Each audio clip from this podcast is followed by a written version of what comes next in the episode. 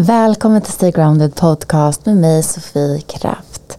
I den här podden bjuder jag in människor som jag är nyfiken på och som jag tycker inspirerar. Och idag har jag en gäst som jag verkligen tycker gör skillnad.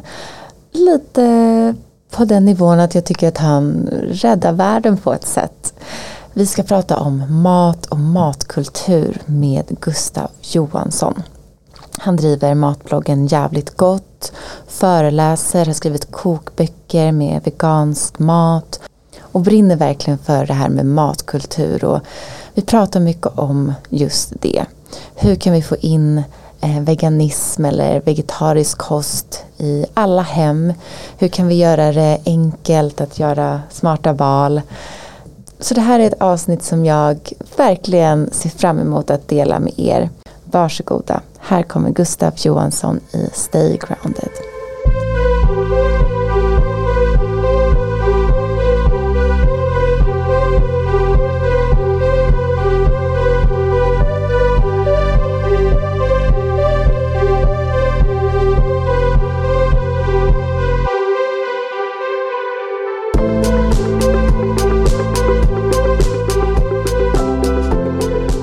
Jag har med mig Gustav Johansson i Stay Grounded Podd idag. Jag är så glad att du är här. Varmt välkommen. Tack så mycket. Kul att vara här. I den här podden så bjuder jag in gäster som jag är nyfiken på och som jag eh, blir inspirerad av och som jag tror kan inspirera andra. Och du jobbar ju med mat och matkultur och för mig är mat typ livet. Det är liksom både njutning, det är liksom vi behöver det för att överleva. Mm. Eh, och du har liksom gjort det till ditt jobb. Att du jobbar med mat på massa olika sätt. Du har mm. skrivit böcker, du har en otrolig matblogg som är en av Sveriges största matbloggar. Mm. Föreläser och ja men vi ska prata om allt det här. Det är så kul när man träffar människor som är en riktig eldsjäl och brinner för det de älskar och delar med sig det. Mm. Så hur kom det sig att du blev så intresserad av mat? Vad började din matresa, den här stora, stora passionen mm. för dig? Ja, det är svårt att säga liksom exakt någon så här exakt tidpunkt. Men jag tror att jag minns hur min pappa alltid brukade stå väldigt långa timmar i köket och laga väldigt mycket mat hemma. Det var verkligen hans stora hobby. Mm han kunde vara en sån här som, eh, för vi bodde hos honom varannan helg efter att mina eh, föräldrar separerade när jag var typ 11 och varenda gång vi kom då hade han stått liksom i så timmar och lagat potatis. Oj vad härligt, liksom. låter som en italiensk dröm. Liksom. Ja, i någon sorts svensk husmanskostvariant. Mm. Liksom. Så att han, han eh, mat var verkligen hans hobby. Liksom. Det var, han kunde liksom som sagt eh, långkoka olika köttstycken eller vad det nu var bara för att han hade tråkigt. Mm. Så jag tror att jag tidigt fick med mig den här idén om att mat kan ju ändå vara någonting mer än bara näring. Utan det, sen var det ju så att jag tillämpade, det var inte mitt eget intresse förrän jag flyttade hemifrån och faktiskt började liksom nörda ner i det. Mm. Men det var tydligt för mig då att jag hade ändå den här idén om att mat kan vara mer än, än, bara, än bara näring någonstans i mitt DNA nästan. Och sen då när jag blev vegetarian och flyttade hemifrån då var det ju såklart, då var man ju tvungen att laga mycket mat själv. Och då upptäckte jag att så här, men det här är ju jättekul. Men hur kom det sig att du blev vegetarian då? Om din pappa då stod mm. och lagade långkok med kött och så. Nej, han var ju, han var hur ju inte vegetarian. Nej. Eh, nej, det var efter gymnasiet. För då, min eh, sista år på gymnasiet hade jag festat väldigt mycket, ätit väldigt ohälsosamt, slutat träna och kände generellt sett att jag liksom var inte alls på rätt ställe och ville jag behövde ta tag i mig själv väldigt mycket. För jag kände, det var inte bara det faktum att jag åt ohälsosamt utan mm. det var mm. också det att jag upplevde att jag hade sån otroligt dålig självkontroll. Alltså ja. jag hade ju liksom inga bra vanor överhuvudtaget. Hade du flyttat hemifrån så här då att du behövde göra din egen mat? Inte vid det laget, det var ett år senare. Mm. Men, uh, så det, och det hjälpte ju verkligen inte. Då var det, liksom bara, det fanns ju mat hemma på bordet och sen var det Billys piroger, mm. eller Billys pizzor och Gorbys piroger och liksom eh, pizzeria pizza och mm. McDonalds. Alltså det var liksom inte bra mat överhuvudtaget. Så jag kände att utöver det faktum att jag bara behöver liksom, ja, men äta hälsosammare under en period och de facto typ gå på diet. Så kände jag att jag behövde en utmaning. Bara för att bevisa för mig själv att jag faktiskt hade lite självkontroll. Och då tänkte jag att om jag kan äta växtbaserat i ett halvår. Då är inte det bara bra för min hälsa utan det är också en, det är som att klättra upp ett berg. Det är som, som mitt Mount Everest. Mm. Och min bror var redan vegetarian sedan ett år eller ett och ett halvt ett och ett halvt år tillbaka för hans flickvän var det. Ungefär så, den klassiska. han hade inget val. Eh, han hade, ja, nej, han hade inte lika mycket val. Mm. Eh, så vi hade ju fryst, frysta falaflar och lite korn i, i kylen, eller i frysen. Så jag gav mig fan på det där under det här eh, året efter att alla mina polare flyttade till Uppsala och Lund för att bli läkare och vad det nu skulle vara. Stannade hemma och jobbade som lärarvikarie och käkade vego i, i liksom skolorna som mm. jag jobbade på.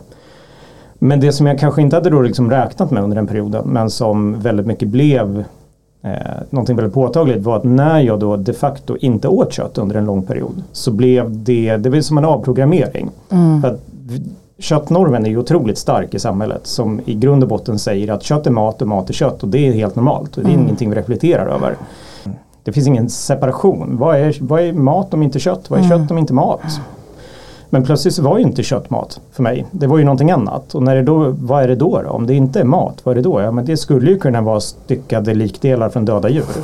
Och det är ju liksom plötsligt mycket mindre intressant mm. och ganska äckligt. Så jag kommer ihåg hur jag verkligen gick förbi köttdisken och såg inte revbensspjäll utan en itusågad bröstkorg. Liksom. Och eh, ja, verkligen, jag menar, kände mig äcklad. Mm. Liksom. Eh, och det hjälpte ju mig väldigt mycket där och då att för, liksom, fortsätta hålla i den här livsstilen. Men, Men hade du läst på mycket själv då? Det var ju jag kommer inte ihåg exakt när alla de här liksom, cowspiracy började komma. Det började ju hända mycket i att här, upplysa världen mm. om vad mm. kött är och produktionen. Ja. Och hade du också börjat liksom, nörda in dig på det eller var det mer nej, så här, jag vill, jag vill gå ner i vikt och ja, testa göra en, ett, alltså, från början var det en tävling med mig själv? Alltså, för jag var ganska politiskt aktiv under hela gymnasiet. Jag gick med i SSU när jag var 16 och arg på mm. George Bush. Liksom. Så, så gammal är jag. Mm. Irakkriget. Um, så jag var ju liksom hyfsat medveten om att liksom, kött är ju inte superbra och att det finns ju negativa aspekter utav det.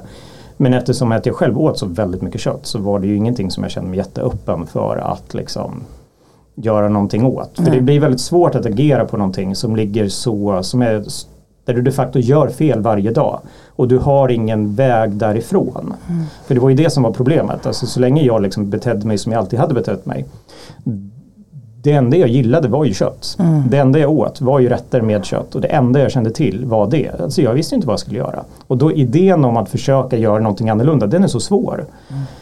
Så det går inte.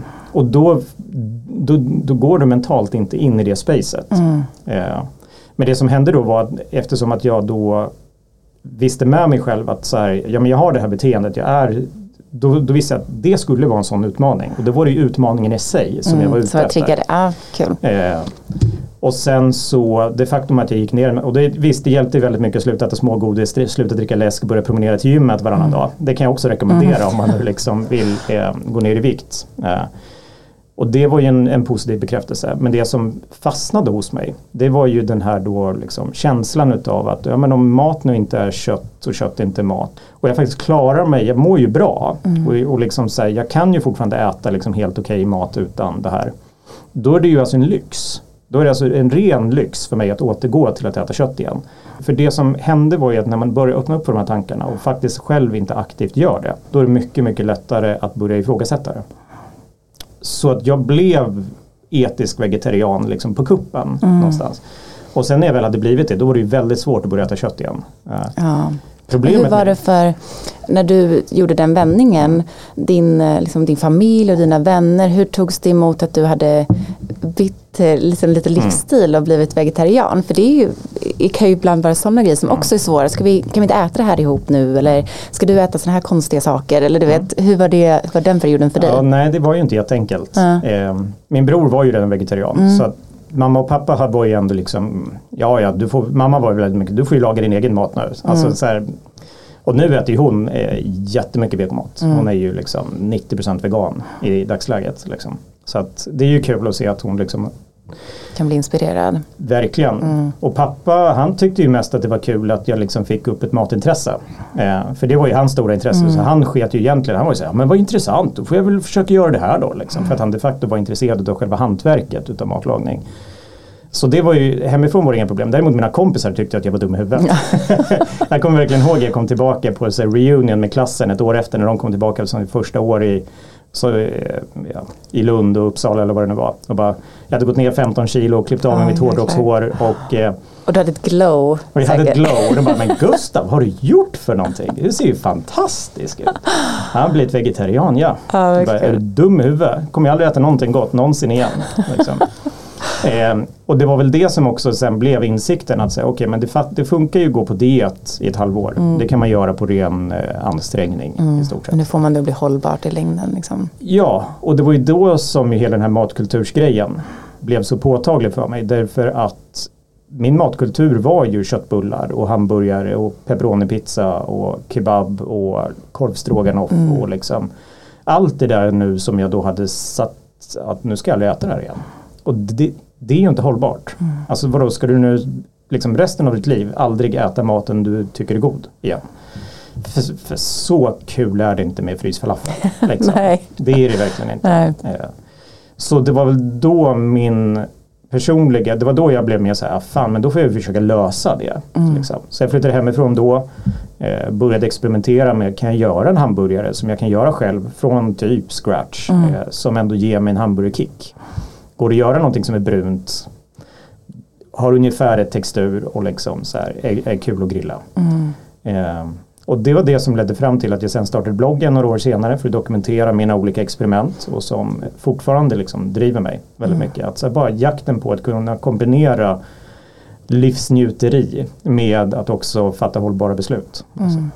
Och det är det jag tycker verkligen om med din matblogg. För att jag är också vegetarian och mycket vegan också. Men det finns så mycket halvfabrikat då för alla vegetarianer. Liksom någon rödbetsbiff och någon sojabiff. Och det, jag vet inte, det är inte alltid bättre att ha halvfabrikat. Så därför är det så fint med din eh, blogg. Att du gör ju så himla mycket från grunden. Eh, och det, det hoppas jag att fler vågar. Det kan, kanske tar lite längre tid. Men det är så värt det när man vet att det är riktiga bra råvaror i. Ehm, Ja, nej men exakt. Och sen tror jag att så här, för jag jobbar ju både med eh, vad ska man säga, för halvfabrikat är ett klurigt ord också. Ja. Eh, därför att idén ur ett, så här, vad ska man säga, ur ett normalt perspektiv det är att halvfabrikat är typ en färdig köttbulle. Eller en färdig hamburgare eller en färdigplanerad nugget eller vad det nu ska vara. Liksom. Eh, Medans eh, om du tar eh, vegofärs till exempel så är ju det, det är ju en råvara i form av att det är färs. Det är ju inte en köttbulle. Men den är fortfarande sammansatt och, och gjord i en fabrik. Eh, så då är det ju någon form av halv, halvfabrikat. Ja, det är eller vad man ska säga. Ja. Liksom. Eh, och de råvarorna jobbar ganska mycket med därför att de ger dig en sensorisk upplevelse som är nära det du minns. Eh, och det är jätteviktigt för det ger dig möjligheten att göra en köttbulle som är brun och som har ungefär textur. Och har du inte det då, då är det väldigt svårt att nå skeptiker många gånger. För, för en, en liksom groddad mungbönsbulle i all ära, den är jättegod för det mesta. Men den ligger väldigt långt bort ifrån det som en, en person som inte äter så mycket vego är van vid. ja. Och då behöver man liksom se att liksom, människor som äter vego är liksom inte en grupp utan det är ju hundra olika grupper. Och folk vill ha hundra olika saker och äter vego av olika anledningar och på väg in i det av olika anledningar. Eh, så den bredden är jätteviktig. Men också då att de produkter som finns och som vi gör för att kunna göra de här sakerna är så bra som möjligt. För någonstans vill vi ju liksom inte rädda ett problem på bekostnad av ett helt annat problem. Eh, det vill säga att vi då äter näringsfattig, liksom, Exakt. eh, dålig mat. Mm, för det är väl också en stor eller, myt nästan att ah, om jag äter vegetariskt eller veganskt då får jag inte i mig det proteinet jag behöver och alla de grejerna. Men jag, jag minns när min, min bror blev vegan eh, innan mig. För det här kanske var tio år sedan och kom hem och bara, han är, han är född 96 så han var väl någonstans så här 18 och bara nu ska jag bli vegan. Och då hade han ju gjort all research. Bara, det här är världens starkaste man. Han äter bara veganskt. Och det här är, har gjort, kollat alla de här filmerna och bara, det, vi kan få upp lika mycket protein om vi äter det här och här. Jag var så imponerad att han hade gjort allt det arbete. För då kunde jag bara, ja men smart. Jag tycker ändå att grönsaker är godare. så det är väl jätte, jag ska också testa. Men jag tyckte det var imponerande att han hade hittat all den där faktan. För det känns som att det är det som många är kanske så här som tränar mycket eller äldre generation, mina föräldrar, bara, jo men vi behöver kött på, det är ju en del av kostcirkeln och det är allt sånt där, det, är så många, det ligger så inlärt. Verkligen. Nej, men, och, och det är ju alltid den här, för en annan del av köttnormen är eh, att eh, om, om kött är mat och mat är kött. Men den säger också att normal mat innehåller kött. Och kött Mm. utan, eller mat utan kött är är inte den, är inte, mat. no- nej, den är inte normal. Nej. Eh, och den grundkänslan, och det här är ju ingenting som folk omkring och aktivt tänker, men folk känner så. Mm. De, de, det blir en del av folks reflektion kring det. Och då blir det såklart att det måste ju vara någonting fel med det. Om den inte är normal Mm. så är det ju inte liksom, det kan ju inte rimligtvis finnas allting du behöver. Eh, och då är det lätt att utgå ifrån att ja, men det måste väl, om du tar bort allt det där, så det kan väl inte vara bra. Mm. Eh, men då är det ju tack och lov nu så att det finns jättemycket information att få tag på. Och just protein är det minsta problemet. För protein finns ju i allt Ja. i stort sett. Potatis, broccoli. Det är ju mest en fråga om att äta varierat. Så det stora problemet är snarare det att eh, folk generellt sett, oavsett om de har kött i det eller inte, har väldigt dålig matkultur. Därför att många människor är ointresserade av att laga mat, ointresserade utav att och inte är så kunniga på liksom, vad, vad behöver man äta. Och så blir man ointresserad och så När det blir svårt då men kanske man slutar. och så tar man bara bort saker. Ja. Eh, liksom en vanlig, jag tror ett vanligt problem för kanske framförallt unga människor som ger sig på vego som de facto inte kanske har så mycket stöd hemifrån och som själva inte kan laga så mycket mat. Det är att de tar bort saker och sen sätter de mackor. Ja. Typ. Och så ja, får de ju pasta och såklart tomatsås typ. Ja men exakt, och det såklart du får energibrist. Ja. Därför att eh, och det är egentligen energin som är det stora problemet när folk äter vego. Det vill säga att om du äter, framförallt skulle jag säga, om du försöker äta hälsosam vegomat. För det som på ytan är hälsosam vegomat är mycket grönsaker, mycket baljväxter, mycket fullkorn, sådana saker. Det är också inherent väldigt energifattigt. Eh, kalorier helt enkelt. Och för många upplevs det ju det som, vad bra, jag vill inte ha så mycket kalorier. Problemet är att om du är van vid en viss typ av diet eh, när den också innehåller kött och mejerier som är väldigt kaloririka på ett sätt som de flesta inte ens reflekterar över. Så tar du bort dem och ersätter med ja, antingen ingen, ingenting alls eller bönor och baljväxter. Det är att du kan äta samma mängd mat men få i dig väldigt mycket mindre kalorier. Vilket innebär, och du blir fortfarande väldigt mätt utav eh, fullkorn. Och det gör att du kan äta dig mätt regelbundet. Framförallt om du, du kanske till exempel är en ung tjej och inte är van vid att äta så mycket. Eh, men få regelbunden, liksom, rejäl energiunderskott. Och det är då du blir trött, det är då Ja. du blir blek, det är då du börjar tappa hår, tappa mensen, hela den biten. Men det beror på energiunderskott. Eh, så då kan det faktiskt vara en bra sak att klämma i lite extra, liksom, liksom bara vanlig pasta. Ha på lite extra olivolja, ha lite havregrädde. Och att de här vegoköttsalternativen kommer in och kanske faktiskt har mer protein och mer energi i sig. Det är där jag tror det är så viktigt att man går in liksom och utbildar. Mm. För att jag, jag håller mycket kvinnor i retreats och då har jag alltid veganska kockar. Mm. Eh, oavsett om folk inte är veganer eller inte. Men det är, så här, det är det vi serverar. Bara för att få den här inspirationen. Att så här, tänk vad mycket gott vi kan äta. Det finns så mycket kunskap Mm. eh, som vi kan lära oss hur man tar upp näring. Men som vi inte lär oss i skolan. Vi lär oss inte det på hemkunskapen till exempel. Medan det borde varit sånt som är basic. Och det som är så väsentligt för att vi ska må bra egentligen. Jo men exakt och sen i grund och botten så är det oftast inte så svårt. Utan det är så här, ät varierat. Eh, ät, och sen är det såklart, det finns ju liksom att äta så mycket whole food plant-based som möjligt är ju en bra sak därför då får du med dig väldigt mycket hela näringsämnet från liksom fullkornet, från baljväxten, från grönsaken och så vidare. Men det är ju en mat eh, en sorts matlagning som ofta liksom ligger väldigt långt bort ifrån där folk är. Och då får man också vara lite snäll mot sig själv och liksom hitta en så här, okej men jag kanske ser till att jag alltid har någon form av råkostsallad till maten. Liksom. Och att jag försöker variera in mycket baljväxter och liksom mycket fullkorn. Men jag behöver ju inte äta 100% Nej. liksom, bara oprocessad liksom så här, eh, laga mat från grunden. Jag kan slänga in lite vegofärs, lite havregrädde och sådana saker. Men, men den här lunchen, alltså jag är en, så här, min, en av mina standardluncher, det är verkligen typ ett paket bönor och sen så whatever grönsak som är i säsong och sen så någon form utav typ så här en halv deciliter havreris eller någonting som jag kokar medan jag hackar grönsakerna. Så blandar jag ihop allting. Äter med någon god dressing och sen är det klart. Det tar tio minuter. Du får hela kostcirkeln. Det är sjukt enkelt och jättebilligt. Eh, men eh, Jag förstår inte varför grönsaker har haft så dåligt rykte egentligen. Jag, minns, vi, jag kommer också en familj, från en familj där vi vi liksom slogs om salladsskålen, mm. det sista i salladen. Men vi gjorde ju också alltid jättegod sallad. Det var mm. liksom dressing på men inte, alltså med, bara vinägrett liksom. Mm. Eh, mycket härligt innehåll. Och då har ju det alltid gjort att jag förknippar grönsakssallad med så här, åh det är det godaste jag vet, det är det vi vill ha. Men det är så många som inte har det från barndomen. Och då blir Absolut. det ju ett svårt, ståg, svårt, eller så här, stort steg att ta in och äta den här bönsalladen till lunch när jag är van vid att äta min mm. korv. Ja men exakt och, och, det får man ju vara väldigt ödmjuk för. Att kultur är liksom en av de stora utmaningarna med mm. det här skiftet. Men och det, det, är så här, det är väldigt svårt att bråka med kultur och det är därför överhuvudtaget vegoburgare existerar. Mm. Därför är det mycket lättare att byta ut burgaren än att byta ut folks behov av burgare. Det är bara så det är. Eh, och därför, det är också intressant där för att utifrån just vego och vad man äter vego för så är inte alltid vad ska man säga, klimat och djurmålet eh, helt eh, i linje med hälsomålet. Därför att eh, det finns jättemycket vegomat som inte är dugg hälsosam. Ehm, att, att käka bara vegoburgare, liksom, det är inte vad jag skulle rekommendera om du vill liksom så här, varken må bra eller mm. gå ner i vikt eller vad du nu har för mål. Liksom. Så det är en process att se till att folk äter mer vego och sen en helt annan process att se till att alla äter mer hälsosamt. Mm. Eh, Hur de, jobbar du för det då? Du som är verkligen en ja. matinspiratör.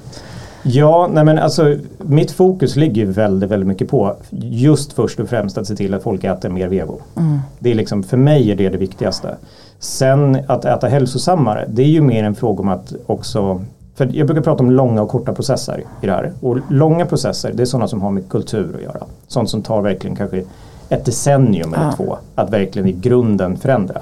Du kommer inte få folk att äta liksom den här typen av rätt regelbundet. Alltså visst, du kan ju få någon så viral rätt. Så äter alla TikTok-pasta i ett halvår. ja. liksom. Men det kommer ju inte ge jättestora avtryck i långa loppet. Nej. Men ett exempel på som, någonting som har förändrats på det sättet det är typ sättet vi äter lax på i Sverige idag. Eh, när vi växte upp så var ju liksom lax, det var ju laxkotletter, laxsidor, gravlax. Mm. Liksom. Nu är det de här liksom, laxfiléerna som kommer från laxodlingar i Norge. De senaste 15 åren har de haft en sjukt framgångsrik liksom, reklamkampanj för att få oss att käka liksom, laxfiléer. Någonting som inte existerade för liksom, 15-20 år sedan. Och det är ett sätt, och nu är det någonting som är, det är typ en av Sveriges vanligaste rätter, laxfilé. Så då kan man ju säga, ja men sådana saker går att förändra om du har lite tid på dig. Eh, men då till exempel att få alla att äta mindre Billys-pizzor och mer bönsallader. Det kommer in i den liksom så långsiktiga, mm. vi måste ändra attityden. Och jag är helt övertygad om att vi är ganska bra på väg med det. För vi, utbudet av goda bönor ökar. Det finns, nu kan du köpa färdigkokta bruna bönor på burk från Sverige som mm. är helt fantastiska. Mm. Hittade nyligen, det kan jag varmt rekommendera, det finns en ny, en ny böna från Zeta som är så mörka kikärtor. Mm. Som är liksom som... Det var den du använder i din pasta. Ja. Jag såg det på din... Ja. ja. Väldigt gott. Mm. Eh, de är liksom eh, lite nötigare, lite fastare, helt otroliga. Mm. Vilket ger dig en möjlighet att liksom variera mer. Men det är sådana saker som händer på sikt. Mm. Sen på kort sikt, då, du, då, kan du jobba med utbud egentligen. Finns det goda vegoburgare? Finns det goda alternativ till det här? Hur ser alternativen på restauranger ut? och så vidare. Det kan man jobba med mer på kort sikt. Mm. Att till exempel nu eh, eh, när Max släpper en ny god vegoburgare och den är riktigt bra. Då kan man nog säga att okay, men på typ ett år så kommer de öka 10-20% växtbaserad omsättning. Det fungerar så. Mm. Medans eh, att få folk att liksom äta min, en annan sorts burgare, det tar väldigt lång tid. Ja. Och så då ur ett hälsoperspektiv så är det ju mer en fråga om att titta på de här. Okay, men antingen kan vi då lobba för att de alternativ som finns på marknaden som in, innehåller mindre liksom, Uber-processade råvaror, mer liksom, tillverkade på andra sätt. Och då kan man ju både, när det väl dyker upp sådana produkter, köp dem. Mm. Det är verkligen testa, våga testa, testa. Våga testa och se till att, eh, ta till exempel, det finns en produkt som jag älskar.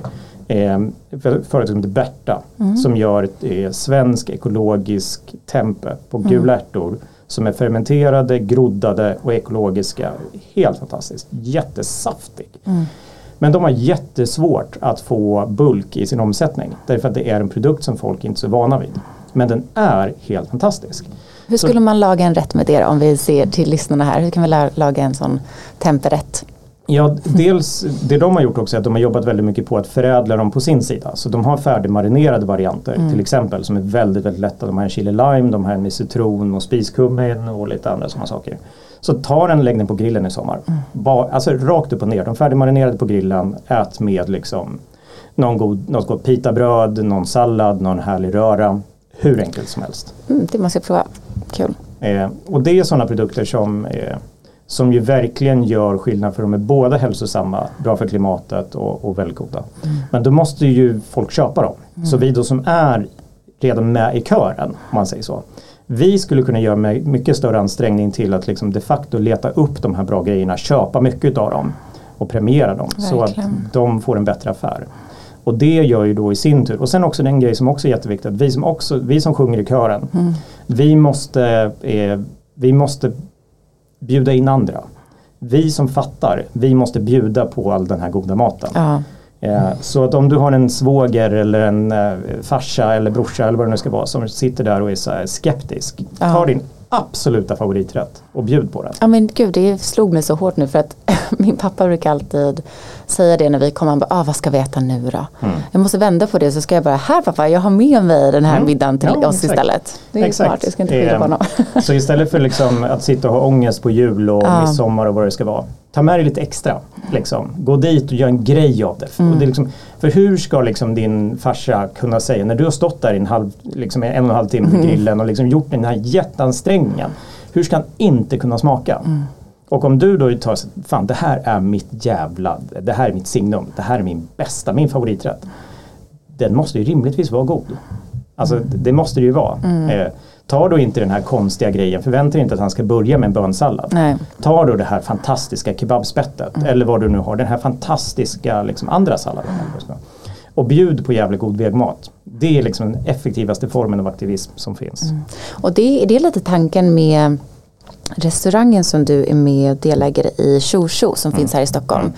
Det är ju en veganrestaurang men med liksom, husmanskost mm. egentligen och mm. vanliga rätter ja. men allt är veganskt. Så jag har varit där flera gånger. Hur kom den idén till? Eh, ja, jag driver den tillsammans med eh, Robert och Douglas Holmstrand. Mm. Eh, som eh, Robert framförallt är ju känd i nattklubbskretsar i Stockholm. Han har drivit massvis med nattklubbar i, i många år. Mm. Eh, jag är väldigt eh, glad över att det är just Robert som är med på det. Dels därför att han är skitduktig på liksom hela serviceupplevelsen och på att liksom skapa fantastiska kundupplevelser. Men han är också själv vegan och väldigt, och väldigt passionerad för väldigt djur. Och, passionerad. Ja. Han är ju mer hardcore vegan än vad jag mm. är. Liksom. Eh, så vi, eh, han hade den här idén innan corona redan att han ville starta en, en växtbaserad restaurang. Och Eh, fick erbjudande om den här lokalen i Modgallerian och kände att det här skulle kunna det här skulle kunna vara rätt lokal för det här konceptet.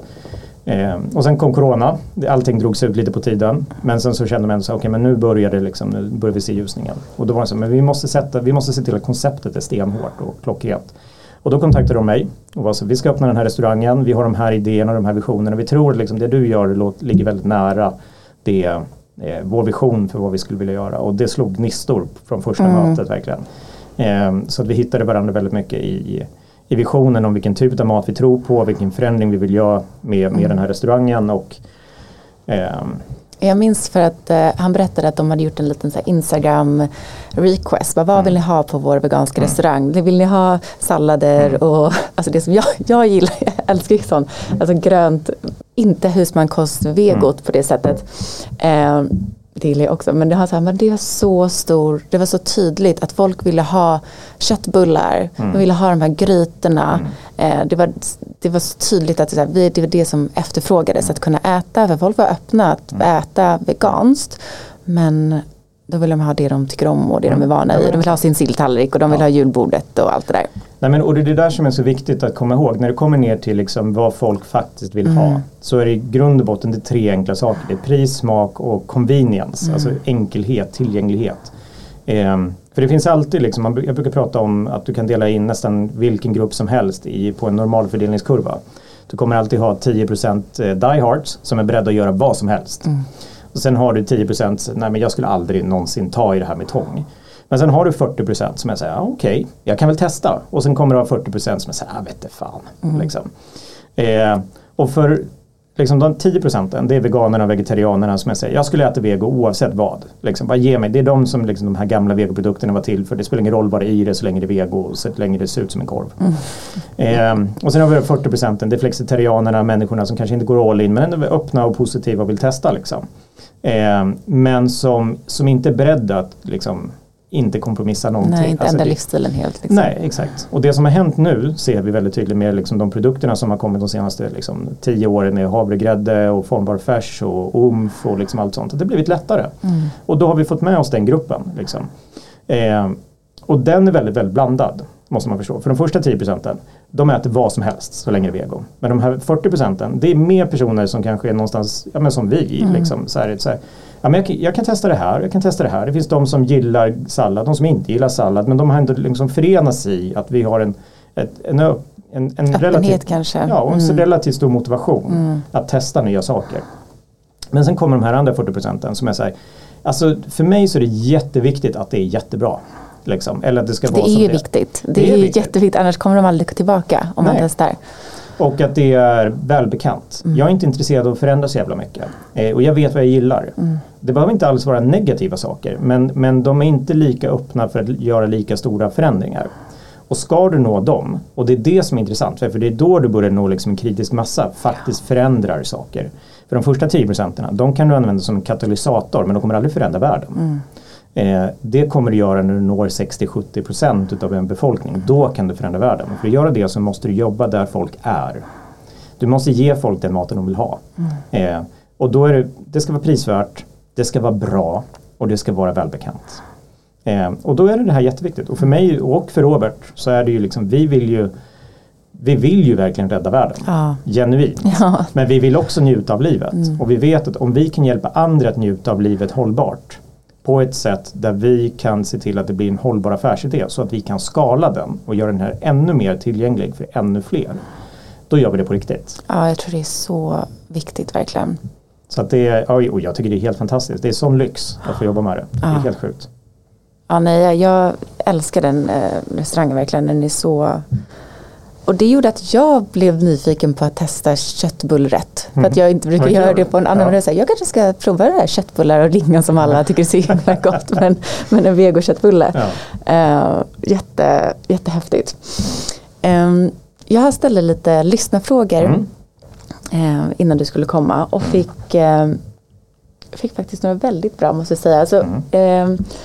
och vi pratade lite om det här att man vill förändra liksom, i utbildning och att man vill nå den breda massan. Det var en kvinna som sa, hon, eh, hon frågade då hur ska man göra med, med mitt barn som mm. går på förskolan eh, där det inte serveras eh, vegansk mat. Man kanske kan ta vissa vegetarianska mm. alternativ. Men hur skulle du, eller vad tror du behövs för att kunna hjälpa barn i, mm. i förskolan att mm. kunna välja vegetari vegetariska alternativ? Ja, nej, men, och det finns flera nivåer till den frågan. För mm. En är liksom, hur ser vi till att överhuvudtaget finns växtbaserade mm. alternativ i förskolan. Och det är väldigt mycket. Och hur ser det ut idag? Ja, det varierar väldigt, väldigt mycket. Både från, för att, skolmaten och förskolematen är en kommunal fråga. Så det bestäms på kommunnivå mm. vilket utbud som finns och vilket, vad man får och inte får. Mm. Så nummer ett är ju att det behöver finnas eh, behöver finnas överhuvudtaget liksom sådana alternativ i den kommunen som du går. Liksom. Och där kan det också vara väldigt stor skillnad från skola till skola beroende på liksom, om de har lagat mat på plats eller om de har central meny eller inte. Liksom. Så nummer ett är att liksom, prata med de politiker som finns i din kommun. Och då är det jätte, jätteviktigt att man argumenterar på rätt sätt för vegomat. Och det mm. ena är, och det främsta är egentligen det att, för att idag är ju inte vegomat på något sätt skyddat som någon form av rättighet. Alltså det är inte det. Det är inte en religiös... Men varför är det inte det? Jag förstår inte varför de inte... Nej, men de, de saker som är... igång på sånt där. Ja, exakt, men de saker som är skyddade mm. det är mm. antingen minoriteter eller religiösa eh, åskådningar. Mm. Och eh, än så länge räknas inte veganism som en liksom, religiös åskådning utan Nej. det är ju liksom en, eh, det är, det är en, ja, en livsstil. Liksom. Ja. Eh, så det finns ingen liksom, lagstadgad rättighet att servera växtbaserad mat. Så att så länge man, liksom, om du som förälder använder det som ditt primära argument, mm. då har du de facto ingen, liksom, det finns ingen, det finns, du har inte rätt, om man säger så, Nej. att få det. Det har du tyvärr inte. Vilket innebär att det är ett klurigt argument, framförallt när du argumenterar mot folk som inte håller med dig. För de kan bara skita i det. Men ett argument som är väldigt, väldigt starkt, det är ju eh, klimat och hälsoargumenten. Därför att växtbaserad mat för det första har väldigt generellt väldigt, väldigt mycket lägre klimatpåverkan mm. än vad liksom, vilken omnivorisk kost som helst har. Även mjölk och ost har ju enormt mycket högre klimatpåverkan än sina motsvarigheter. Eh, och sen ur ett hälsoperspektiv, för det tenderar ju till att vara mer liksom, baljväxter, grönsaker och sådana saker i, i offentlig liksom, växtbaserad mat. Mm. Så de två argumenten, både folkhälsomålet och kommuners liksom ansvar att sänka sitt, för det här är ju liksom kommunens pengar ja. som betalar för skolmaten. Och kommunen ska ju då inte lägga pengar på liksom klimatskadlig verksamhet helst. Och om de nu ska byta ut liksom bilflottan mot elbilar och liksom mm. byta ut kolbrännare mot bergsvärme och så vidare så kan väl lika gärna också se till att åtminstone en del av skolmaten mm. är klimatsmart. Att det alltid finns alternativ. Ja, så det handlar ju mer om att prata om växtbaserad mm. mat ut ur ett klimatperspektiv. Då är det såklart att vi ska alltid ha klimatsmarta alternativ. Och växtbaserad mat, som då är så god så folk faktiskt äter den och inte svinnas, för det är också jätteviktigt. Mm. Det är typ det klimatsmartaste som finns. Ja. Så det är, ett, det är ett väldigt, väldigt mycket bättre argument mot kommuner och mot skolor än att mitt barn är vegan och hon mm. har rätt till det här. Mm. För det har hon tyvärr inte. Eh, om man nu ska vara superkrass. Eh, och det behöver man också liksom men sen hur ska man då faktiskt få dem att äta det här nu? Och då finns det också två aspekter. Den ena handlar om liksom eh, Borde ditt barn äta växtbaserat? Eh, och ur ett näringsperspektiv, för det är ju många oroliga för. Liksom, alltså, är det bra för barn att äta växtbaserat? Så, finns, så länge barn äter en varierad kost, vilket innebär att du i stort sett bara inte äter samma sak varje dag, utan äter olika grönsaker, olika typer av proteinkällor, olika typer av kolhydratkällor. Mm Eh, och, och, kanske inte bara liksom eh, vegofärs utan lite baljväxter och mm. lite så här olika grejer. Då är det ganska lugnt. Sen är du strikt vegan och ditt barn också är strikt vegan, då behöver du det barnet käka B12. Men det är alltså en tablett om dagen mm. och den tabletten behöver du inte äta i skolan. Så skolans ansvar är ju inte, för det här är också en viktig grej, liksom, eller förskolans. Deras ansvar är ju inte att se till att du får i dig all, alla vitaminer och alla mineraler du behöver under hela dagen under de två måltiderna du äter i skolan, mellis och lunch. Mm. Det är det inte. Nej. Det har det aldrig varit. Utan är, är du minderårig och vegan, då är det ditt, dina föräldrars ansvar att se till att du i slutändan får i dig alla vitaminer och mineraler du behöver. Det är inte skolans ansvar. Eh, och är du myndig så är det ditt eget ansvar. Mm. Men det är skolans ansvar att se till att du får i dig den energin du behöver för att kunna genomföra skoldagen. Just det. det är deras ansvar. Och det viktigaste då är att eleverna äter upp maten. Liksom. Mm. Och, för det är ju ett stort problem i sig. Alltså, många elever äter inte skolmaten. De petar i den och sen så går de till McDonalds. Ja. För att de gillar inte skolmaten överlag. Så det absolut viktigaste är ju att skolmaten är god. 100 procent mm. liksom, att den är god. Och då är frågan så här, hur god vegomat kan du laga? Det är det som blir intressant. Och det är då som blir så, ja men då kanske du ska vara, och då är god är ju en subjektiv sak för det är så här, vad tycker liksom ett gäng tolvåringar är gott. Så då är det kanske så att du ska inte börja göra liksom rödbetsbiffar och champinjonstuvning utan du ska göra favoriträtterna växtbaserade. Gör korvstroganoffen, gör tacosen, gör liksom Exakt. pannkakorna. Alltså de grejerna som folk redan gillar. Gör, och det är ofta väldigt enkelt. Mm. Alltså formbar färs är ju alltså väldigt, väldigt lätt. Eller olika typer av baljväxtfärs eller vad det nu ska mm. vara. Liksom. Eh, havregrädde är jätteenkelt att byta ut till och så vidare. Och då, sänk, då gör du det inte bara för veganerna utan för alla. Och sen ska du göra det så gott så att alla vill ha det. Mm. Och det är det målet som man då borde göra och mm. jobba på. Eh, och, och, sen är det så här, ja men och sen är det så att alltså jag, jag är vegan, min sambo är inte vegan, mina barn är, är, är inte veganer. Liksom. Eh, så där får man ju också vara så här, är, är det viktigt att de är veganer? Och här blir det ju också en väldigt viktig skillnad på eh, dels förälderns och sen personens motivation och sen samhällets syn på det här. Mm. För min personliga, jag ser mig ju själv nästan som typ Alltså min veganism har mer likheter med typ buddhism. Liksom. Det, är, det är min personliga trosåskådning. Jag tror på att ta ansvar, att inte skada andra i onödan. Eh, det är vad, min, vad jag lever mitt liv efter för rättesnöre. Mm. Men det är min livsåskådning. Den har ingenting att göra med vad jag tror är viktigt att alla andra gör. Det är såklart jag tycker att, så här, ja, det, jag tycker att det är bra att tycka och tänka så här. Men jag kommer ju inte tvinga mina barn Eh, jag tror inte på liksom att säga, så, nu ska du, lika lite som jag skulle kunna säga åt dem att nu ska du tro på Gud. Mm. Tro! Ja. Kom igen! Nej, exakt. Det går inte, det Mm. funkar inte så. Utan de måste hitta det i sig själva. Liksom. Och gör de inte det, då blir ju det andra som blir relevant då, det är ju så här, vad är viktigt ur ett samhällsperspektiv? Ja, det är ju för det första att vi ser till att eh, rädda klimatet och rädda djuren. Mm. Men det som räddar klimatet och räddar djuren, det är att vi får alla att göra det här. Och det som får alla att göra det, det är att vi gör det lätt. Ja. Verkligen. Mm. För det, det kommer vara så svårt att så länge det fortfarande är svårt, så länge det är en jätteansträngning på ren vilja övertyga folk Mm. om att de ska skärpa sig. Bara föreställ dig, det kommer ju aldrig ske. Nej. Det Utan- måste vara lättare att göra rätt, alternativ. Exakt, Mm. exakt. Då är det ju det som är meningsfullt. Mm. Att lägga all sin tid på att göra det lätt att göra rätt. Bättre vegomat, eh, mer ökad kunskap om det, mer tillgänglighet. Att se till exempel då att kommunpolitiker ser på de här frågorna på rätt sätt. Det är en sån sak som gör skillnad. När de tror att det bara är någon specialkost för några få elever. Då är det klart, varför skulle de bry sig? Det är helt irrelevant. Mm. Men om de ser det som att det här är typ det verk, vik, liksom kraftfullaste Vikt- ja. verktyget du har för att jobba med klimatpåverkan i kommunen. Det blir en helt annan motivation.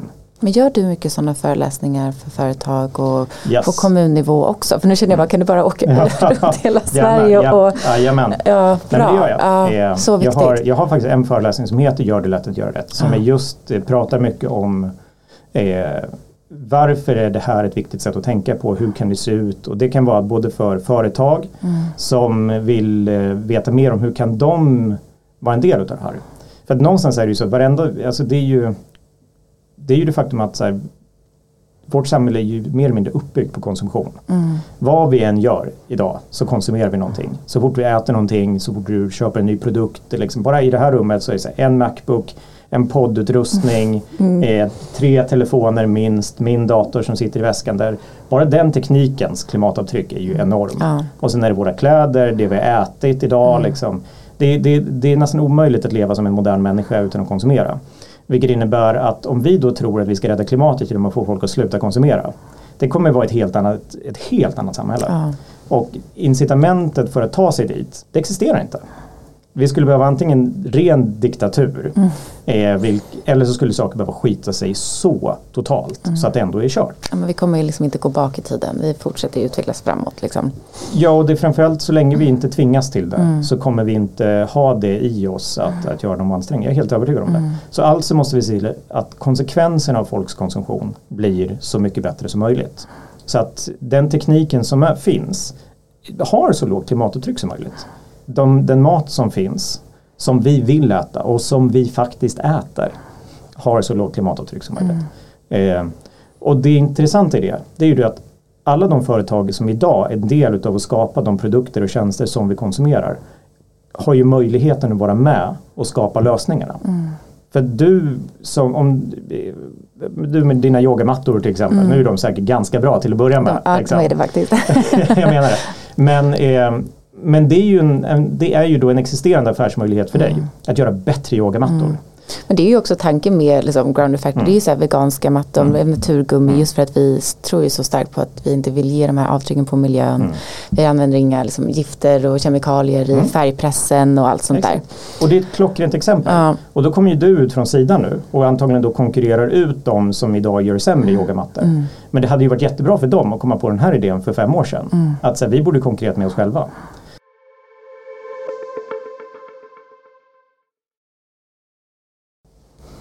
Jag vill passa på att pausa lite här när vi ändå pratar om Grounded Factory och våra fantastiska yogamattor. För den här podden är ju sponsrad av Grounded Factory och alla ni som lyssnar får 20% på hela vårt sortiment med koden SAYGROUNDED. Vi försöker ju dra vårt strå till stacken genom att göra miljövänliga yogamattor i vegansk naturgummi. Så är du intresserad så gå in och kika. Det finns reseyogamattor, yogamattor för hot yoga eller med supergrip. Kika om du hittar din favorit och med Stay Grounded får du som sagt 20% rabatt. Varsågoda. Nu ska vi tillbaka till Gustav.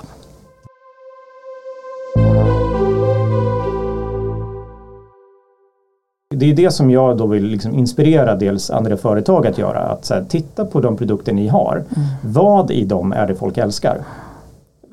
Det är jätteviktigt att förstå. Och på vilket klimatavtryck har de? Och hur kan ni göra er av med klimatavtrycket medan ni behåller det som folk älskar? Därför det är som med en hamburgare. Det folk älskar är ju inte i sig det faktum att det kommer från en ko. Mm. Det är, det är helhetsupplevelsen. Det är hur du smakar, det är hur du ser ut. Det är den kulturella aspekten utav det. Det är upplevelsen du får av att käka en god burgare. Men den har ju ingenting med kon som går på fältet Nej. att göra. Den upplevelsen. Så att kan jag ge dig den upplevelsen utan kon då är det bara en fråga om hur bra gör jag det? ja. Och då lyckas jag göra riktigt det, det, riktigt bra, då kan jag tjäna jättemycket pengar. Eh, Verkligen, men hur ställer du dig till de här, äh, liksom, man kan typ göra kött av kemikalier, de här 3D-printat kött eller vad är det det heter? Mm.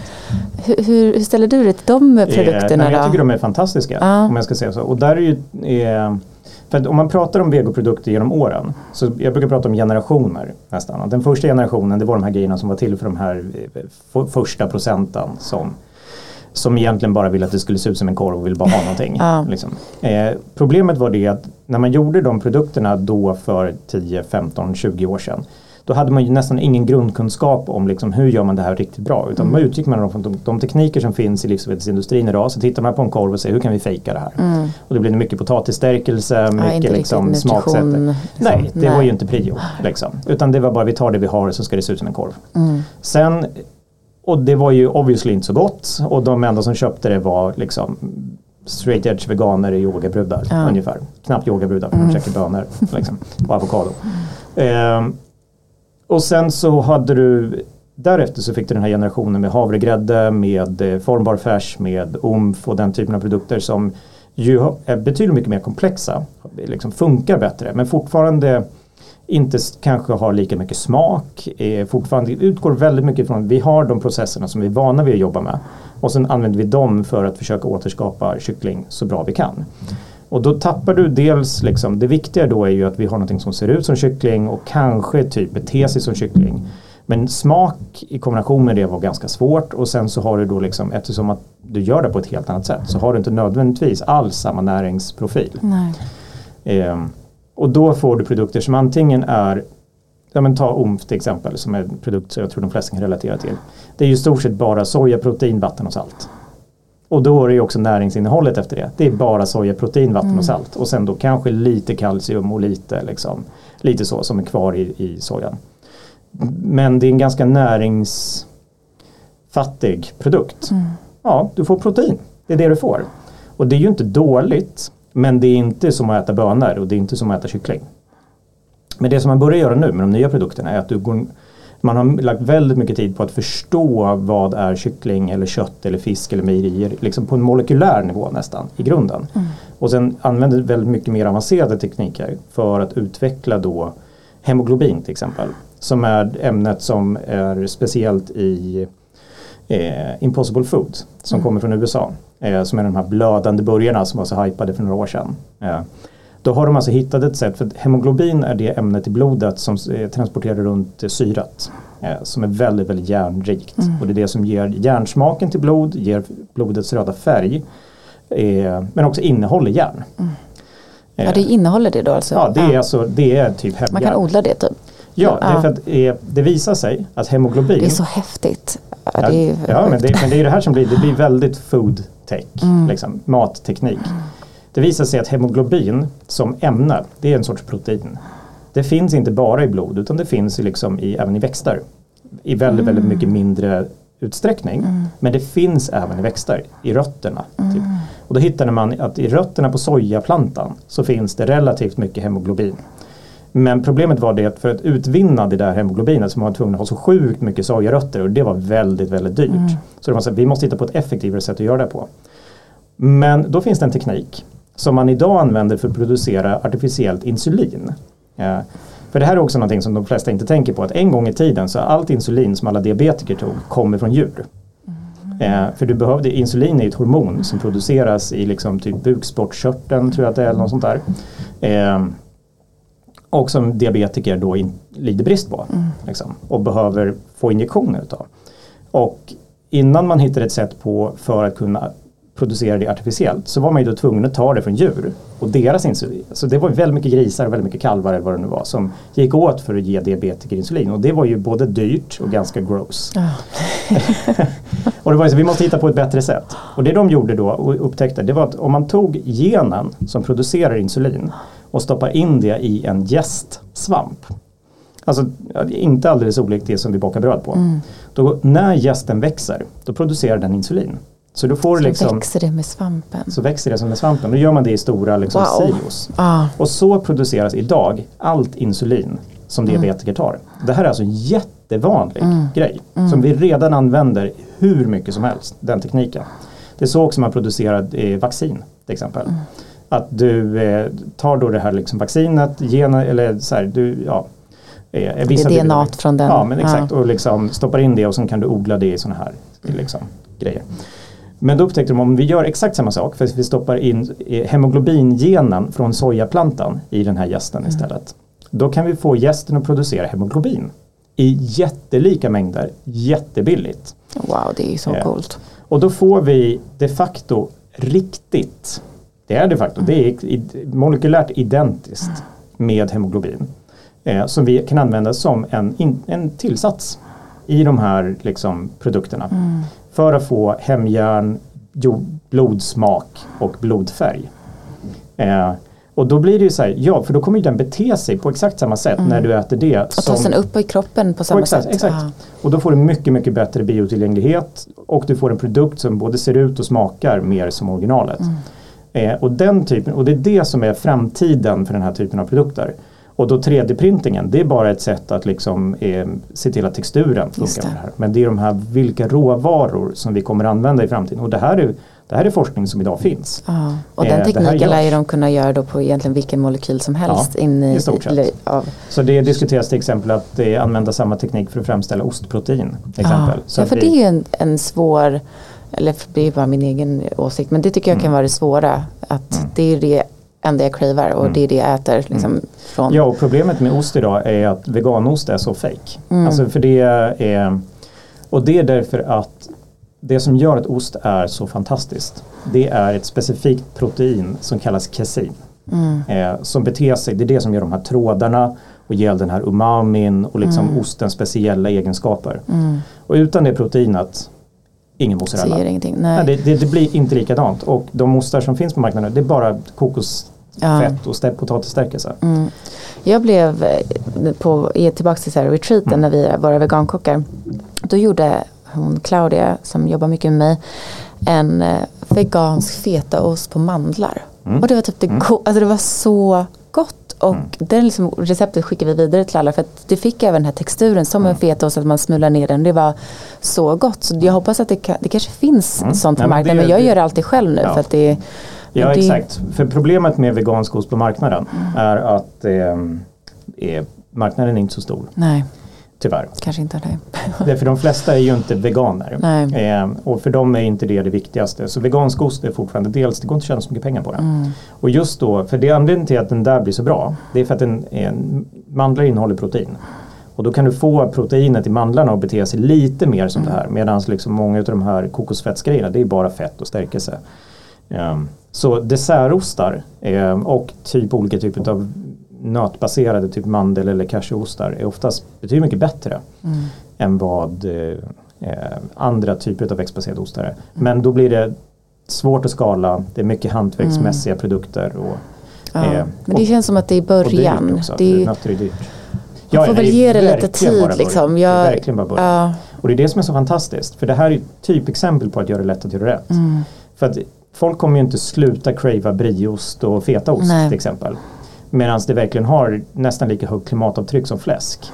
Eh, exakt, och det känns som att det på. tänker inte folk på. Nej, Man bara, nej men jag äter ju tar halloumi istället. Men hur bra är det då? Alltså, Nej, halloumi är ju skit. ja, Alltså halloumi är ju riktig skit. Eh, Ja, Så eh, de produkterna är också jätteviktiga. Men för att de ska kunna liksom faktiskt komma dit och konkurrera ut halloumin så måste den vara lika bra som halloumin och det är den inte än. Mm. Och då krävs det de här teknikerna. Eh, och de teknikerna kommer både vara sjukt mycket resurseffektivare, mycket hälsosammare Mm. och eh, ger dig ett produkt som är hur bra som helst. Så jag känner mig väldigt trygg ja, jag hoppas att det får ta lite plats nu, att det får komma. Ja men det kommer komma. Ge det, ge det, för nu, problemet med många av de här produkterna är att de är fortfarande ganska dyra att göra. Ja. För det är dyr, dyr, dyra maskiner. Typ. Och sen att vissa av teknikerna inte är godkända utav EU än så länge. Eh, de som är riktigt avancerade. Men det kommer också komma. Så att jag känner mig lugn och Det är en trygg. spännande tid. Det känns som att det är mycket förändring på många, Mm. eh, många plan. Så är det. Ehm, men jag har en till liten lyssnarfråga som jag skulle vilja ehm, ta Ja, det med blev dig. en väldigt lång utläggning där för det första. ja men det är ju skitbra. Um, men inom, eftersom att jag och både Nico som jobbar med, vi är Mm. båda så här yogis och kommer från den världen och jag, det var Mm. egentligen med samband med att jag ehm, gjorde min yogautbildning som jag verkligen blev så här, men gud, hur Mm. har jag tänkt? För att man får sån känsla för naturen och djuren och allt sånt där. Och inom yogavärlden så är det ju väldigt trendigt att vara vegan. Mm. Har varit det länge. Mm. Men det börjar också nu i så här spirituella communityn och den världen också bli eh, kommer upp att man nu ska äta mer så intuitivt. Mhm. Att, och då är det många som säger, "Ah, men jag har varit vegan i tio år men nu när jag äter intuitivt så känner jag att min kropp behöver kött. Och folk som är gravida, så här, nu känner jag att nu behöver jag kött. Att det, det är min magkänsla, min intuition säger mig. Eh, jag bara undrar om du har några tankar kring den grejen. Ja. alltså Handlar det om ju- att de har näringsbrist kanske? Eh, det Nej men jag tänker alltså, eh, jag tror absolut att det finns en viss grund i att eh, kroppen cravar det man behöver. Alltså, lite som att liksom, fan jag är törstig. Jag känner, då får man liksom en känsla, jag vill dricka vatten. Jag kan ju verkligen känna eh, drag åt det hållet själv. Men det kluriga är ju då att dra liksom hela vetenskapliga analyser om vad kroppen behöver utifrån det. Därför att eh, fan du kan ju crava Billys-pizza.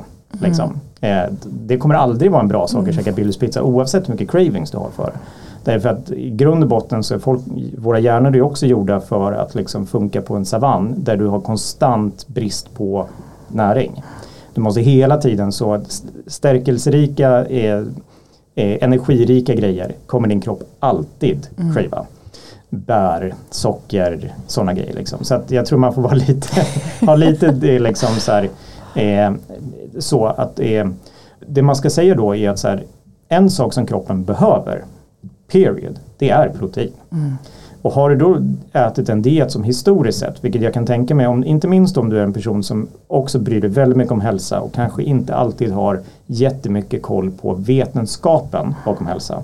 Och det ska jag säga till för det första, att det är ju en svår grej. Liksom. Alltså det går ju verkligen att säga, jag håller mig väldigt långt bort från generellt sett diskutera eh, hälsa och vetenskap och är typ så här, Livsmedelsverket, kolla på deras rekommendationer, jag tänker inte lägga mig i det här. För att jag är inte en nutritionist, jag är inte utbildad och det finns så sjukt många olika åsikter om vad som är hälsosamt och inte. Och jag tänker inte gå och liksom ta ställning i det. Men generellt sett så säger men en bra balans mellan grejer. Du behöver protein, du behöver energi, du behöver kolhydrater, du behöver fett, du behöver proteiner. Och liksom alla mineraler du behöver. Eh, men jag kan ju märka om jag gått en hel dag och liksom in, bara käkat kolhydrater. Då kan jag liksom få cravings efter tofu. Jag liksom bara så här, goffa, liksom. jag vill ha någon sorts, och då är det min hjärna tolkar proteiner eller vad det ska vara. Eh, så att äter man en diet som man tror är hälsosam, mycket då till exempel fullkorn, grönsaker, baljväxter och sådana saker. Eh, och drar en ex, lite extra åt raw food hållet till exempel. Liksom, då är det väldigt stor risk. Och sen kanske dessutom liksom, också har ett släng utav att jag är en helt vanlig människa som typ käkar mackor till frukost.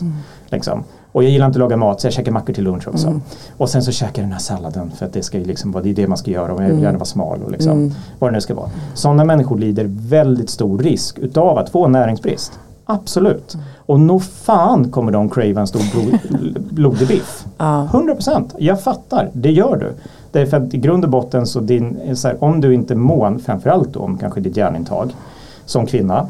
Eh, och där kan ju verkligen olika personer ha ganska olika problem. Liksom. Det finns ju Mm. verkligen de som har liksom eh, alltså långt upp i åldrarna jättemycket problem med liksom järnbrist. Liksom. Och är du då, äter du strikt eh, drar åt raw food hållet och inte har, äter tillskott och liksom inte väldigt mån om att liksom tracka, då kan du få j- absolut järnbrist. Eh, och då skulle jag vilja hävda liksom, dels två saker. För det första är det så att Och det kanske jag är liksom, folk tycker så, men du är ju vegan, du borde inte säga det här. Men jag säger, ja vet du vad, det viktigaste är inte att vara vegan. Det är inte det. Om du behöver käka bacon för att liksom överleva och må bra, gör det. Men du behöver ju inte göra antingen eller. Nej. Det är inte då liksom så här, nu kan inte jag leva mitt liv utan att käka liksom bacon en gång i veckan eller ett ägg till frukost. Mm. Då kan jag lika gärna skita i det. Mm. Nej, så är det inte. För det finns ju massvis med andra anledningar till att äta mer växtbaserat och liksom så klimatsmart. Det är fortfarande sjukt mycket bättre för djuren. Det är fortfarande sjukt mycket bättre för klimatet. Eh, och om du då behöver balansera det med ägg till frukost, vet du vad, det är helt okej. Okay. Ja. Faktiskt. ja. Eh, ingen bryr sig. Men jag tror att det är viktigt att ha... Eller ingen borde bry Nej. sig, så mycket ska jag säga. Ingen borde bry sig. Och jag tycker det är fint att man, eh, jag brukar alltid säga att man ska vara snäll mot sig själv och att inte Verkligen. ha för mycket regler för då känns det, då, fan, då blir du stressad Nej. åt andra hållet ja. och mår skit och kan inte göra några val rätt. Liksom. Och jag ska säga så här, är du typ influencer mm. och lyssnar på det här. Mm. För jag vet som influencer hur svårt det är att bli kritiserad för saker. Och liksom, som, jag flyger till exempel. Mm. Jag har liksom inte sagt flygstopp, nu ska jag mm. aldrig flyga igen. Eh, såklart liksom, nöjesflyg är inte härs och tvärs. Liksom. Men om det är så att jag behöver åka till liksom Bryssel i jobbet eller till Los Angeles där jag har familj någon gång vartannat år. Då gör jag det. Mm. Jag har inga problem med det. Mm. Men jag står för det, jag argumenterar kring det och jag äger det. Mm. Och jag tror det är så otroligt viktigt då att om du nu till exempel som, om vi tar eh, Yoga Girl till exempel. Som gick ut nyligen med att hon inte är vegan längre och liksom hon är så här, Eh, det kanske kan vara ett case av intuitivt ätande. Jag vet mm. inte. Ja, det var faktiskt en jag tänkte på. jo men exakt. Men då är det ju så här, eh, för det första så kan jag tycka att så här, ja, jag fattar att hon får mycket skit. Mm. Därför att folk har förväntningar på henne. Mm. Eh, och väldigt många människors förväntningar på henne handlar egentligen om deras... Sig själva.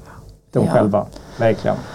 Eh, och där behöver alla vara, för hela den här vi och dom grejen som vårt samhälle är så otroligt liksom mm. genomsyrat av. Vi ska alla liksom hitta vår lilla klick. Mm. Och, sen ska och det är väldigt bli... lätt att ha pekpinnar mot andra hela tiden. Så sjukt mycket och sociala medier är liksom bara, det bara det bara gror mm. i det. Och det är så otroligt viktigt att säga jag är det här, jag är inte det här, vi är det här, vi är mm. inte de där. Mm. Eh, och vi har våra hjältar liksom, som ska vara perfekta. Men jag tror det är så viktigt då att vi som då blir hjältifierade också är väldigt raka, tydliga, ärliga med att vi är inte hjältar. Mm. Världen är inte svartvit. Eh, jag kan fortfarande stå för det här. Eh, till exempel att jag tycker att det är otroligt viktigt att vi tar klimatsmarta beslut. Mm.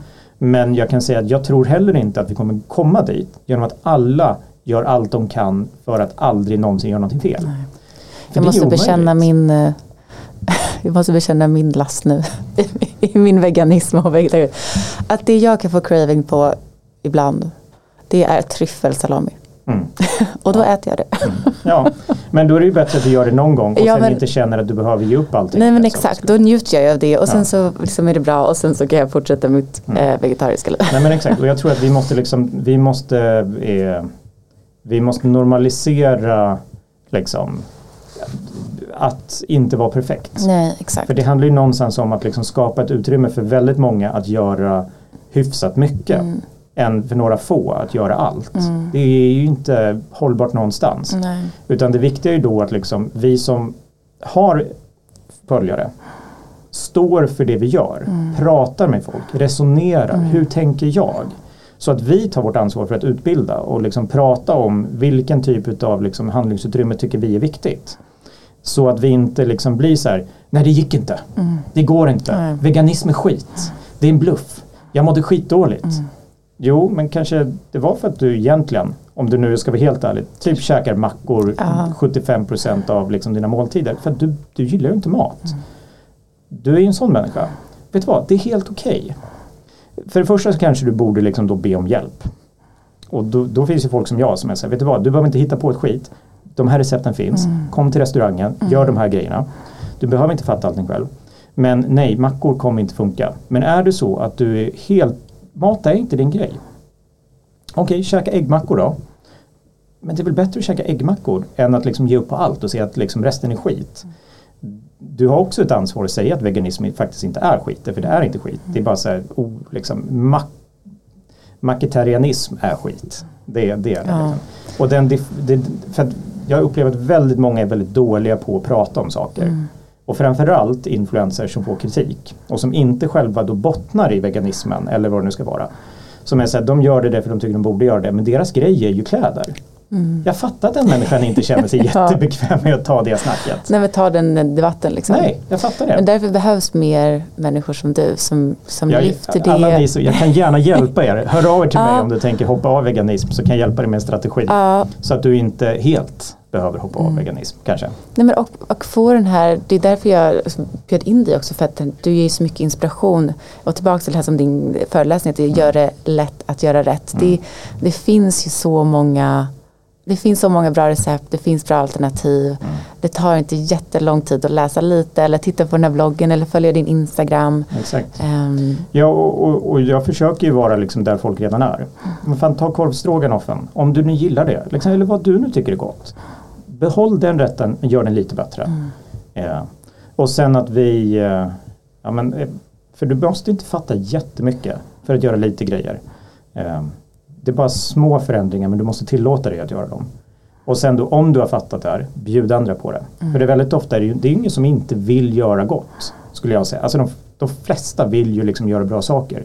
Men om det är för svårt, man måste vara väldigt ödmjuk inför det. Så som jag till exempel, jag älskar ju mat. Mm. Alltså jag är så, går omkring och tänker på mat hela tiden.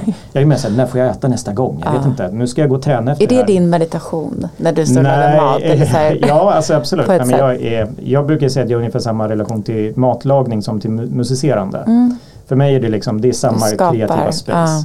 Jag skapar, jag kan verkligen stå och göra det här för min, helt, helt min egen skull. Sen älskar jag att gigga och jag älskar att lära mig nya saker och liksom, jag kan alltid liksom upptäcka nya saker. Men, mm. Eh, så så är det ju absolut. Alltså, så om, men, men det är mer som musik än som yoga. Mm. Om man mm. säger så. Mm. Det är viktigt för mig och det, jag kan bli ganska nal. Mm. så jag vill göra på mitt sätt. Och jag vill verkligen stå i liksom, rampljuset och bjuda på det här. Liksom. Ah. Eh, då är min meditation mer att gå och träna. Typ, ah. Eller spela tv-spel. Eller, mm. sånt där. eller ja, tv-spel det är mer total utzoomning. så träning skulle jag säga, gymmet är mm. min. Så. Ja, men hur ser hur ser din framtid ut nu? Jag känner att vi har verkligen gått igenom så mycket av det som jag ville veta mm. om dig och det du gör. Men har du någonting som vi kan se mer av från dig framåt? Eller mm. hur ser dina drömmar Absolut. ut stort? Eh, ja, just nu handlar det väldigt mycket om restaurangen. Just det är ju en väldigt, väldigt spännande resa som vi är på. Ska den liksom? Det ska bli en kedja. Nej, Absolut. wow, gud vad roligt, grattis! Eh, det är, vi jobbar stenhårt på det just nu. Tjo tjo. Mm tjo ut i världen. Mm. Eh, så det, det ligger väldigt högt upp på agendan just nu. Jag gör väldigt mycket jobb kring att försöka få det bli en möjlighet eller en verklighet. Eh, Vad glad jag blir. Ja, men jag tror verkligen att det finns en enorm potential. Ja. Vi har fått ett jättebra gensvar på, på det vi gör. Mycket bättre än vad jag trodde att vi skulle få faktiskt. Det är väldigt kul. Eh, så det, det kommer bli en stor grej. Eh, sen jobbar jag just nu väldigt mycket med att försöka komma ut och föreläsa, eh, prata mer om de här sakerna. Jag känner väl lite mindre som liksom en matbloggare och lite mer som liksom en generell opinionsbildare och liksom entreprenör. Ja, bra, det vet vi att vi behöver fler. Eh, så det ser jag fram emot. Och sen får vi se. Det, men det är väl mina, mina två stora delar just nu. Att se lite hur jag kan ta mig kanske lite utanför bara liksom ja men idag så ska vi prata om den här havredrycken och imorgon ska vi prata om den där vegobullen. Mm. Till att prata mer så här, hur, vad är det jag har spenderat tio år med att göra? Ja, men det är ju liksom fundera på hur funkar det här? Liksom. Ja, hur kan vi förändra vår matkultur ja, från det varje dag? Så det, och sen att, att, att, ta över världen med, med restaurangkedjan och se allt. Det kommer bli jättehäftigt. Och allt kommer vara jävligt gott. Jajamän, det måste det vara. Det måste det vara. Det räcker inte med att det är helt okej. Okay. Det måste vara fruktansvärt alla fall. Mm. Ja, gud vad kul. Tack snälla för att du har varit med i Stay Grounded och gästat här och pratat om din stora passion och hur vi kan förhoppningsvis bli bättre på att göra rätt och lätta val inom eh, vegetarisk kost. Tack själv, jättebra samtal. Mm, tack. tack.